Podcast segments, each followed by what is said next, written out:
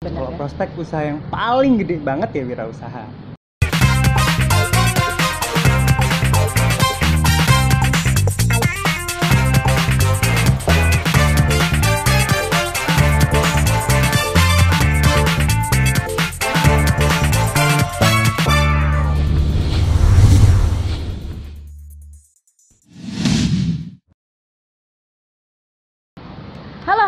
Masih bareng saya Isti dan juga masih bareng Mas Pandu Kita masih membahas jurusan pengobat tradisional yang hanya satu-satunya di Indonesia Baru satu di Universitas Airlangga Ya. Dan itu masuk ke Fakultas Vokasi Ya. Kalau lulus, dapat gelarnya apa? kalau lulus D3 ya ahli media. Kalau untuk S1-nya STR terus jadi sarjana terapan kesehatan. Sarjana Terapan Kesehatan gitu ya Ya karena karena kalau apa namanya di Indonesia baru satu Berarti kalau misalnya mau lanjut S2 Kalau S2, nah ini belum kalau S2 teman ada yang udah daftar S2 Heeh. di biomedik di UNER juga. Oh gitu. Jadi eh, lebih bebas ya. Maksudnya Bebas, tuh mau ke S2 kan lebih, kesehatan ah. kesehatan yang apa gitu ya Bebas untuk bisa mendukung. S2. Tapi sebenarnya kalau misalnya untuk menunjang karir nih perlu nggak sih S2? Enggak.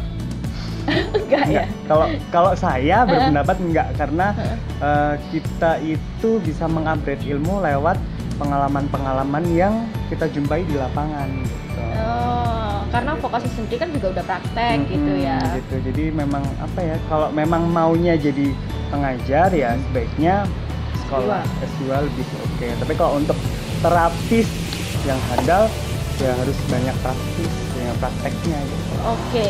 Nah, itu berarti prospek kerjanya lulusan jurusan pengobat tradisional itu bisa menjadi apa aja Kalau sebenarnya? prospek usaha yang paling gede banget ya wirausaha.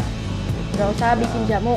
nggak hanya jamu kita bisa bikin eh, ini kita bisa bikin tempat terapi gitu Mm. sesuai dengan keahlian yang kita pengen jadi walaupun kita belajar keempatnya nantinya setelah lulus dari majelis ketenagakerjaan Indonesia itu harus memilih satu jadi Majelis Ketenagakerjaan Indonesia. jadi itu eh, yang mengatur ini eh, tentang profesi Heeh. jadi kalau misalkan profesi eh, pengobat tradisional belajar empat seperti Batra harus memilih mau akupuntur, pijat atau ramuan atau Oh, jamu. itu harus kayak ibaratnya kayak daftar dulu di Majelis Iya, Tenaga jadi Kerja Indonesia. daftar dulu. Jadi kita harus ikut Oh. organisasi yang menaungi dulu, terus kemudian dapat rekomendasi rekomendasi, terus kita diajukan ke eh, ke, eh, ke MTKI sama MTKI nanti. Jadi MTKI punya PP Kestraki, jadi nanti eh, diarahkan ke PP Kestraki. Nanti sama PP, PP Kestraki akan ada ujiannya dulu. Jadi setelah ujian itu keluar, dapat surat tanda registrasi, terus kemudian itu digunakan sebagai dasar untuk mengurus eh, izin praktek. Oh, jadi lulus itu nggak bisa ya langsung ujuk-ujuk. Oke, saya langsung jadi terapis gitu. Nggak bisa ya, harus harus, join ah, organisasi itu. Dan itu sudah dan itu sudah diurus di kampus kan. Maksudnya sejak lulus memang semua uh, alumni itu wajib untuk ikut MTK itu. Apakah ada Iya. yang nggak ikut? Setiap eh, setiap alumni itu wajib ikut itu Hmm. karena eh, sebagai ini ya sebagai apa ya dasar hukum yang kuat buat kita Oh. untuk buka praktek. untuk buka praktek. Oke, yang paling gede adalah Wira- wirausaha itu tadi dan itu macam-macam sesuai dengan yang dipetakan di MTKI tadi ya. Itu sih. ada lagi yang kerja di instansi rumah sakit jadi di Poli Dokter Sutomo ada apa Poli obat tradisional gitu terus kemudian ada di, di beberapa puskesmas di Surabaya ini itu sudah ada poli batranya gitu jadi kebanyakan teman-teman yang nggak uh, nggak pengen wirausaha itu daftar ke sana gitu. Oke. Kalau ada wira ada maksudnya prospek terbesar adalah di wirausaha, berarti ada mata kuliah wirausaha nggak sih? nggak ada tapi uh, semua keilmuan yang kita uh, dapat itu bisa kita rangkai menjadi bentuk wirausaha yang keren banget Oh oke, jadi kalau misalnya S2-nya mau ngambil bisnis, gitu Bisnis. mungkin oke ya. mungkin oke ah, kalau jadi untuk manajemen wirausahanya tadi wirausaha. biar tahu. Oke.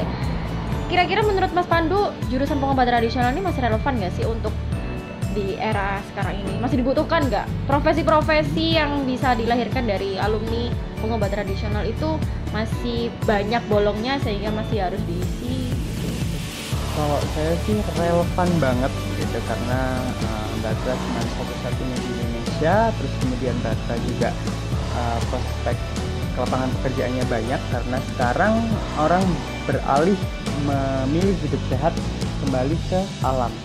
Jadi Hmm. makan sehat, uh, terapinya juga kalau bisa terapi yang paling tradisional seperti yoga, pijat, atau akupuntur, terus kemudian sekarang berbondong-bondong meninggalkan susu yang menurut mereka uh, dianggap nggak sehat, mereka memilih jamu untuk memenuhi kebutuhan mereka. Gitu. Sekarang banyak sekali uh, komunitas-komunitas hidup sehat yang mulai tumbuh.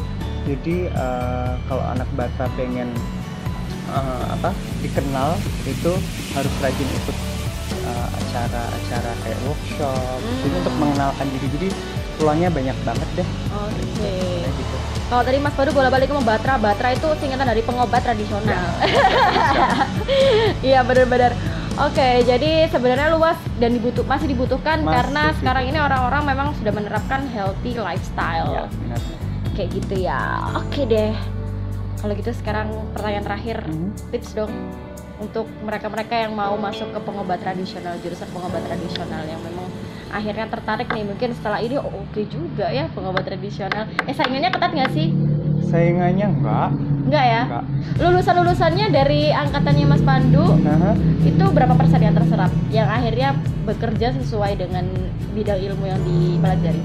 yang sesuai dengan bidang ilmu yang dipelajari 40% sih Oh, yang linear di yang linear itu. ya. Yang nggak linear ke mana aja tuh? ada yang ke bank ada yang ikut suaminya nggak kerja Tetap gitu. ya, bank itu kayaknya perusahaan untuk segala macam jurusan. Oke, tapi 40% lumayan lah ya untuk jurusan yang satu-satunya di Indonesia gitu. Oke, oke, tips-tips. tipsnya apa nih dalam kuliah Hah, Jadi kalau memang mau jadi pengobat tradisional saat pertama kali masuk eh, kalian sudah merasakan bahwa kalian terapis, jadi kuliah dengan ikhlas, terus kemudian menyerap semua ilmu dengan penuh, jangan berharap apa pun karena nantinya gitu, setelah lulus Allah akan menata hidup kita gitu, gitu sih. ini pengobat tradisionalnya religius. Oke, pokoknya dijalanin aja yang Dijalanin boleh aja banyak ngeluh ya. Boleh banyak ngeluh. gitu. Oke oke, apalagi kalau memang eh, sudah mantap untuk memilih, ini pilihannya sendiri, bukan paksaan dari lain-lain ya udah dijalani deh. Konsekuensi apa Eh, tuh? ini. Jadi kita harus punya rasa tanggung jawab karena kita eh, diberikan amanah sebagai pengobat tradisional jadi eh, pasien itu adalah apa ya tempat belajar kita. Jadi jangan nggak serius belajar. Kita kan nanganin pasien. Untuk mengurangi keluhan pasien itu diperlukan apa ya fokus dan energi yang lebih untuk mereka Gitu Soalnya kan itu hubungannya sama kesehatan Nah, manusia, sama kesehatan kesehatan kesehatan orang gitu. Jadi kalau main-main ya yang dipertaruhkan adalah nyawa juga nggak sih? Iya. Iya kan? Oke, siap. Terima kasih. sama-sama Terima kasih banyak Mas Pandu sudah sharing tentang jurusan pen- eh, pengobat tradisional bahkan sebenarnya Mas Pandu ini juga membawakan teman-teman High Campus, krunya High Campus jamu loh. Tapi buat kita aja, hampers enggak. Terima kasih banyak Mas Pandu sudah mas, eh, sudah sharing tentang jurusan pengobat tradisional. Jadi buat High Friends yang eh, apa namanya mulai mulai tertarik nih bisa dipertimbangkan lagi kalau mau masuk jurusan pengobat tradisional disesuaikan dengan minat dan bakat bahkan ya dari High Friends sendiri. Oke, terima kasih buat High Friends yang sudah nontonin video Kamus Kampus edisi pengobat tradisional dari part 1 sampai part 3 ini dan sudah nonton video-video yang lain. Terima kasih banyak. Jangan lupa subscribe. Terus ikutin sosial media kita, Instagram, Facebook, sama eh, YouTube juga ya ini ya. At High Campus.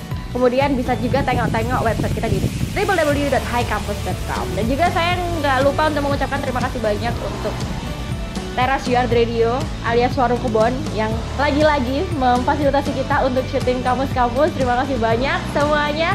Kita ketemu di kamus-kamus edisi selanjutnya. Bye.